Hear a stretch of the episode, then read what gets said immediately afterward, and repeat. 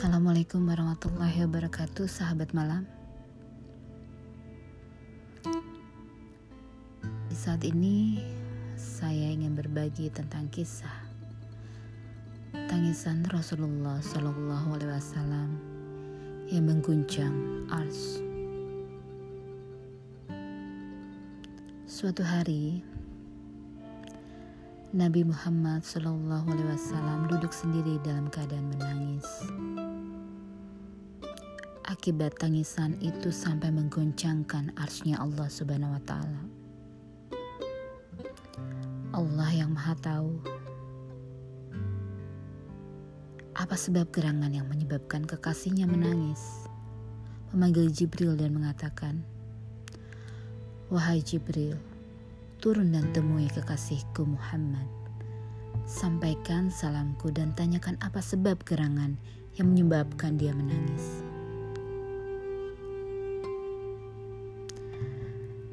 Kenapa bukan Allah Subhanahu wa taala yang langsung menanyakan kepada kekasihnya? Kenapa mesti melalui Jibril? Apa hikmahnya? Allah Subhanahu wa Ta'ala hendak memberitahukan kepada Jibril, seluruh malaikat, jin, manusia, bahkan kepada seluruh makhluk bahwa itulah kekasihku Muhammad Sallallahu Alaihi Wasallam. Maka turunlah Jibril menemui Nabi Muhammad Sallallahu Alaihi Wasallam dan mengatakan, Ya Habib Allah, Sesungguhnya Allah Tuhan mengirim salam kepadamu dan menanyakan apa gerangan yang menyebabkan engkau menangis.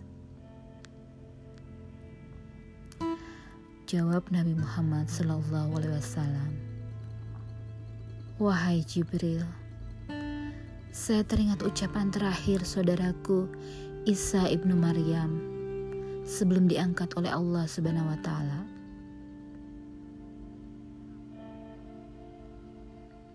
Nabi Isa mengatakan, "Jika engkau menyiksa mereka, maka sesungguhnya mereka adalah hamba-hambamu, dan jika mengampuni mereka, sesungguhnya engkaulah yang maha perkasa, maha bijaksana."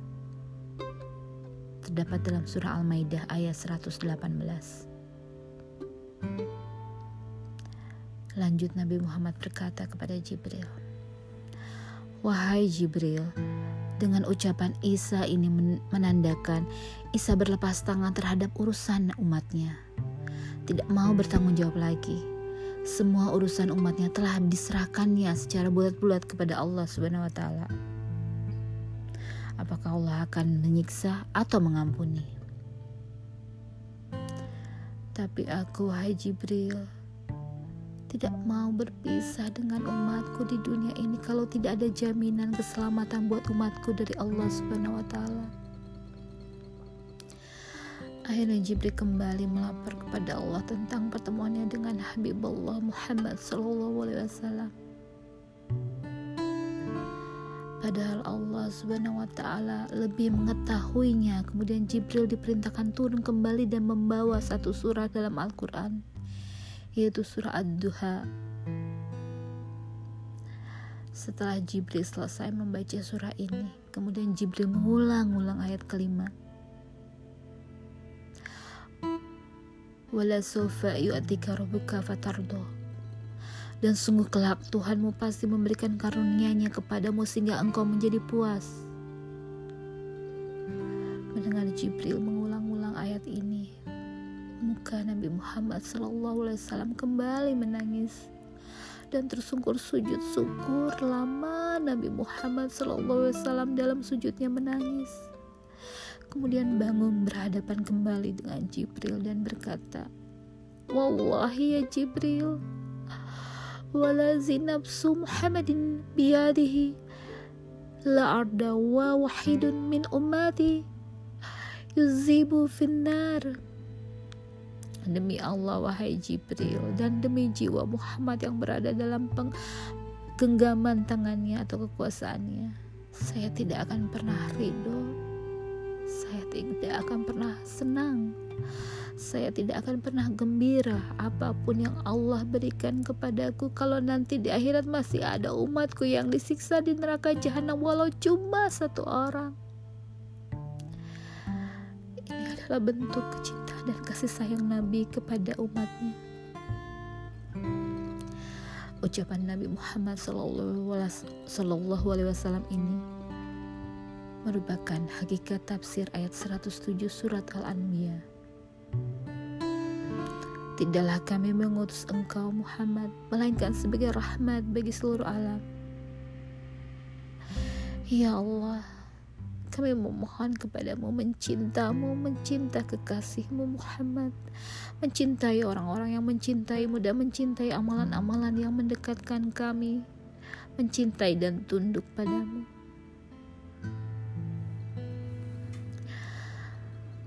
Sebegitu cintanya Nabi Muhammad kepada kita umatnya.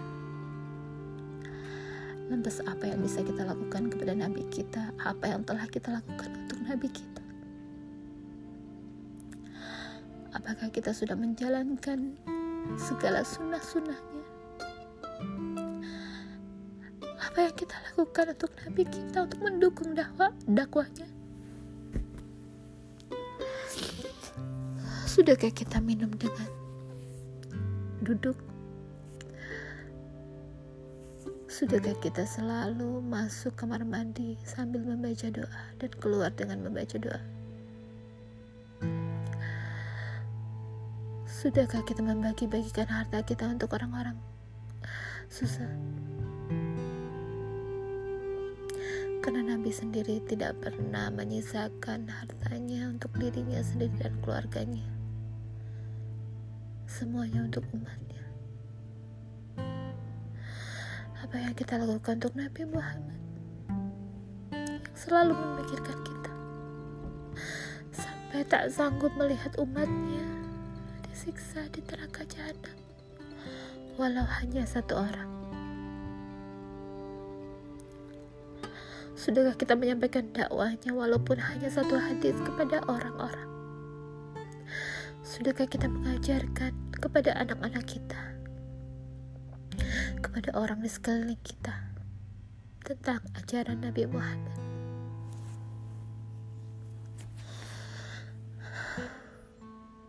Sudahkah kita melanjutkan perjuangan Nabi kita? Apa yang kita lakukan untuk dia?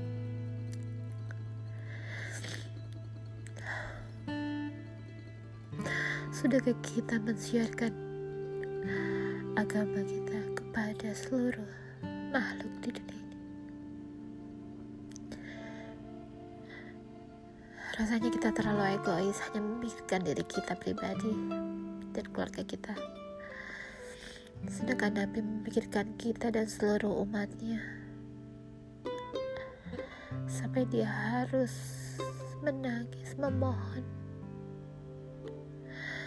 dan menjadi puas saat mendengar surah Ad-Duha ayat kelima dibacakan oleh Jibril berulang-ulang. Beliaulah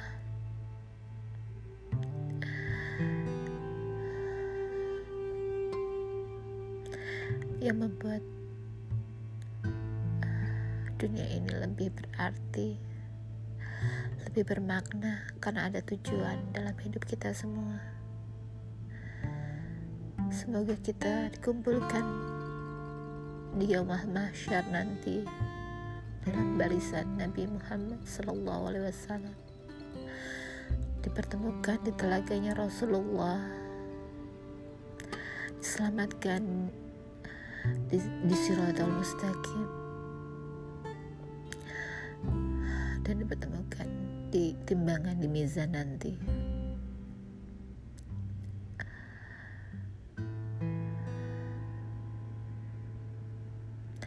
A'lam bishawab. Assalamualaikum warahmatullahi wabarakatuh.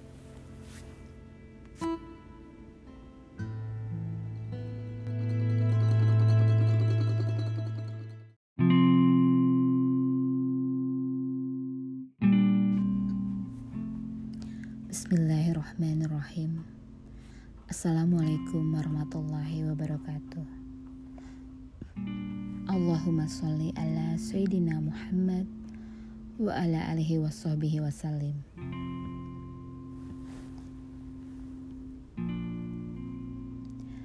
Tidak lama setelah kota Mekah ditaklukkan, kaum muslimin kembali memenangkan perang Hunayan.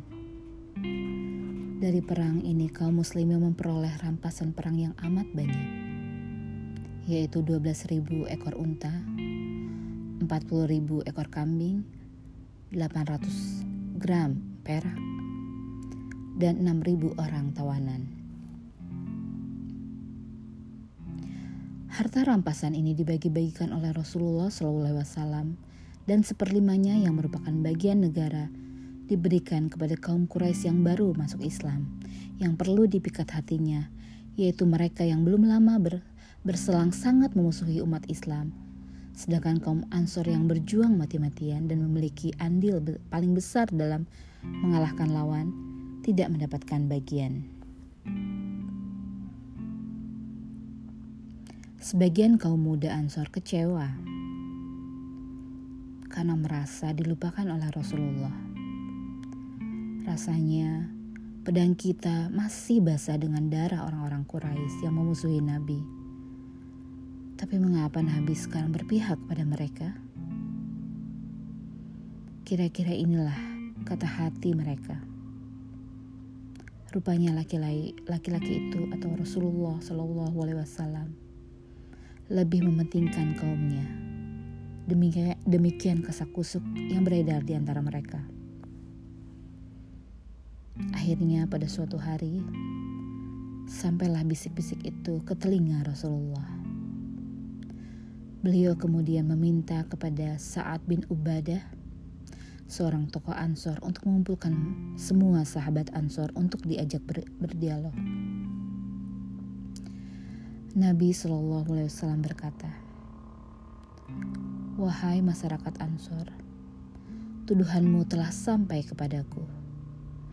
Ingatlah, hai kaum Ansor, bukankah dahulu aku dapati kamu dalam keadaan sesat? lalu Allah memberi petunjuk kepadamu? Bukankah dahulu kamu melarat dan sekarang Allah telah memberi kekayaan kepadamu? Bukankah dahulu kamu hidup bermusuhan lalu Allah mempersatukan kamu? Orang-orang Ansor dengan serentak menjawab, Benar ya Rasulullah, Allah dan Rasulnya sungguh telah berjasa kepada kami. Nabi Shallallahu Alaihi Wasallam melanjutkan, Wahai kaum Ansor, apakah kamu masih menginginkan harta benda duniawi yang telah kubagi-bagikan untuk memikat hati suatu kaum agar mereka memeluk Islam? Apakah Islam belum cukup bagimu? Tidakkah kamu merasa puas sekiranya mereka pulang membawa kambing dan unta? sedangkan kamu membawa Rasulullah ke kampung halamanmu?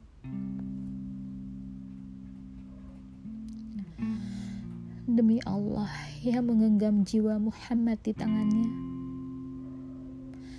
Sekiranya bukan karena hijrah, aku akan menjadi orang Ansor. Sekiranya orang menempuh suatu jalan dan orang-orang Ansor mengambil jalan lain, niscaya aku akan mengikuti jalan kaum Ansor. Allahumma ya Allah, kasihanilah orang-orang Ansor. Kasihanilah anak-anak dan cucu-cucu mereka. Mendengar ucapan Rasulullah ini, kaum Ansor mereka merasa menyesal. Mereka menangis dan berkata, kami ridho denganmu ya Rasulullah dan ridho dengan apa saja yang kamu putuskan.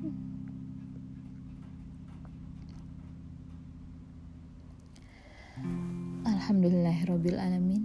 Allahumma sholli ala sayyidina Muhammad wa ala alihi wasallam.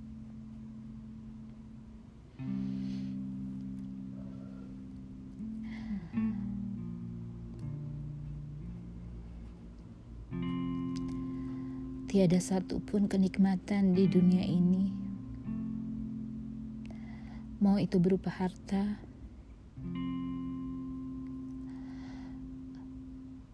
mau itu berupa kedudukan apa pun.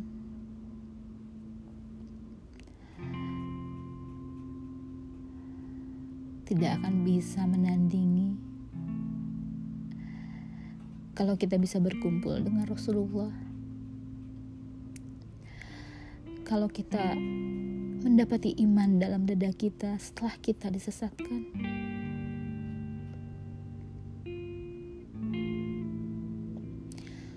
Itulah sesungguhnya nikmat yang sesungguhnya. Allahumma sholli ala Sayyidina Muhammad wa ala alihi wa sahbihi wa salim. Semoga cerita ini mengobati rasa rindu yang sangat dalam kepada baginda Rasulullah Shallallahu Alaihi Wasallam dan menjadikan kita umatnya yang banyak-banyak bersyukur atas segala limpahan nikmat terutama limpahan nikmat iman, Islam, dan ihsan.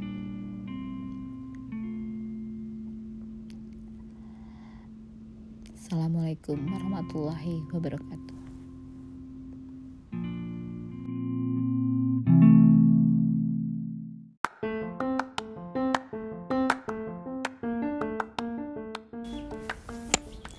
Assalamualaikum warahmatullahi wabarakatuh.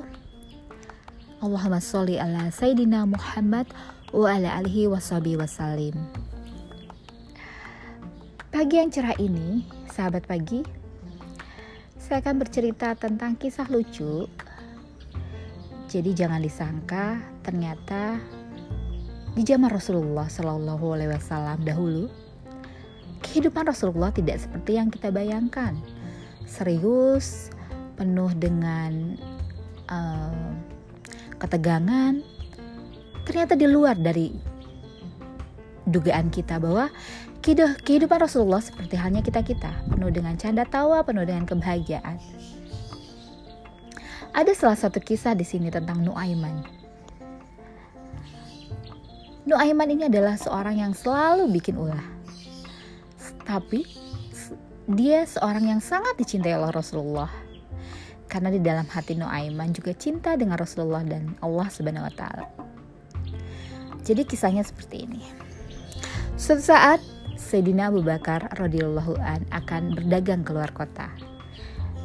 Dan sahabat Nabi ini meminta izin kepada Rasulullah untuk membawa Nuaiman ikut serta dalam dagang di luar kota tersebut.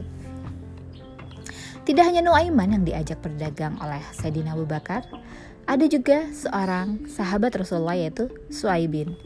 Suaibin adalah seorang yang polos dan pandai menjaga amanah. Sesampainya rombongan tersebut di kota tempat mereka berdagang, semua diberikan tugasnya masing-masing. Salah satunya adalah Suaibin diberikan tugas untuk menjaga tempat makanan. Sedangkan Nuaiman tidak diberikan tugas apa pun oleh Sayyidina Abu Bakar. Tibalah waktu siang hari yaitu tibanya waktu makan. Nuaiman sudah merasa kelaparan dan menghampiri Suaibin. Dan Suaibin merasa bahwa Nuaiman datang pasti akan membuat suatu masalah yang akan e, menjadikan dirinya bermasalah. Dan benar saja, Nuaiman meminta Suaibin untuk memberikan makanan dari tempat yang dijaganya. Karena merasa sudah diamanati oleh Sayyidina Abu Bakar Siddiq radhiyallahu an, Suaibin tidak memberikan makanan tersebut kepada Nuaiman dan dia tahu Nuaiman pasti membuat ulah yang akan membuat dirinya akan menghadapi suatu masalah. Dan benar saja, Nuaiman pergi ke pasar. Dia melihat-lihat gerangan apa yang bisa dia lakukan. Di pasar didapati ada beberapa penjual yang menjual seorang hamba saya Di sana banyak sekali dengan harga yang bermacam-macam. Timbullah dalam benak Nuaiman dia akan menjual Suaibin kepada penjual hamba saya tersebut. Dan dia berkata kepada penjual hamba saya tersebut, karena harga hamba sahaya yang ditawarkan oleh penjual tersebut itu mahal-mahal. Ada yang 200 dirham, ada yang 300 dirham. Maka Nuaiman menawarkan bahwa dia memiliki seorang hamba sahaya, harganya hanya 100 dirham. Sontak membuat para penjual bersedia untuk membelinya karena sangat murah. Tapi Nuaiman memberikan sebuah uh, kata kunci di sini. Karena murah, dia punya kekurangan. Kekurangannya hamba sahaya yang akan saya jual ini adalah pada saat dia ditangkap pasti dia akan teriak-teriak bahwa saya orang yang merdeka, saya bukan hamba sahaya. Nah, itu tidak menjadi masalah dan diberikanlah uang sebanyak 100 dirham untuk membeli hamba sahaya yang ditawarkan oleh Nuaiman. Tak lama kemudian, benar saja para uh, penjual hamba sahaya tersebut mendatangi dan menangkap Suaibin yang sedang menjaga tempat makanan. Dan benar saja yang dikatakan oleh Nuaiman bahwa Suaibin berteriak-teriak, saya seorang yang merdeka, saya bukan hamba sahaya. Dan para penjual uh, pedagang hamba sahaya tersebut langsung menjawab teriakannya uh, Suaibin tersebut. Ya, saya sudah tahu, kamu pasti akan berkata seperti ini. Kemudian dibawalah Suaibin ke pasar. Dan dengan uang yang didapati oleh Nuaiman ini sebanyak 100 dirham, akhirnya Nuaiman membeli apa saja yang dia inginkan, baju dan lain sebagainya. Kemudian pulanglah Sayyidina Abu Bakar Siddiq radhiyallahu an dan mendapati Suaibin tidak berada di tempat penjagaan makanan tersebut. Maka ditanyakannya Nuaiman, Wahai Nuaiman, ke manakah Suaibin? Bukankah dia tug ditugaskan untuk menjaga tempat makanan ini? Iya, uh, Sayyidina Abu Bakar Siddiq radhiyallahu an, saya telah menjualnya Suaibin ke pasar karena dia tidak mau memberikan makanan kepadaku pada saat aku tadi siang lapar. Sontak hal ini membuat Abu Bakar langsung mencari Suaibin ke pasar dan mengajak Nuaiman dan akhirnya dia mendapati Suaibin sedang berada di pasar yang pastinya dalam keadaan nangis pastinya. Kemudian dia membayar Suaibin dengan harga dua kali lipat dari harga yang dijual Nuaiman kepada pedagang tersebut. Kejadian ini membuat Sayyidina Abu Bakar Siddiq radhiyallahu an bercerita kepada Rasulullah dan Rasulullah mendengar ini dia tertawa, tertawa dan Selama satu bulan Rasulullah SAW menceritakan hal ini kepada sahabat-sahabat yang lain. Ini pertanda berarti Rasulullah seorang yang tidak kaku, tidak memandang suatu ini hal yang karena dia tahu bahwa Nuaiman orangnya memang seperti itu dan selalu memberikan uh, muka Rasulullah SAW menjadi tersenyum dan tertawa tanpa hanya melihat wajahnya Nuaiman Rasulullah langsung senyum dengan wajah yang begitu senang. Itulah salah satu sahabat Nabi Su'ai Nuaiman yang dicintai oleh Rasulullah. Allahumma sholli ala sayyidina Muhammad wa ala alihi wasallim. Assalamualaikum warahmatullahi wabarakatuh. Sampai nanti sampai dengan kisah-kisah lainnya tentang Rasulullah. Insyaallah membuat kita cinta, membuat kita kenal dengan siapa Rasulullah. Tak kenal maka tak sayang.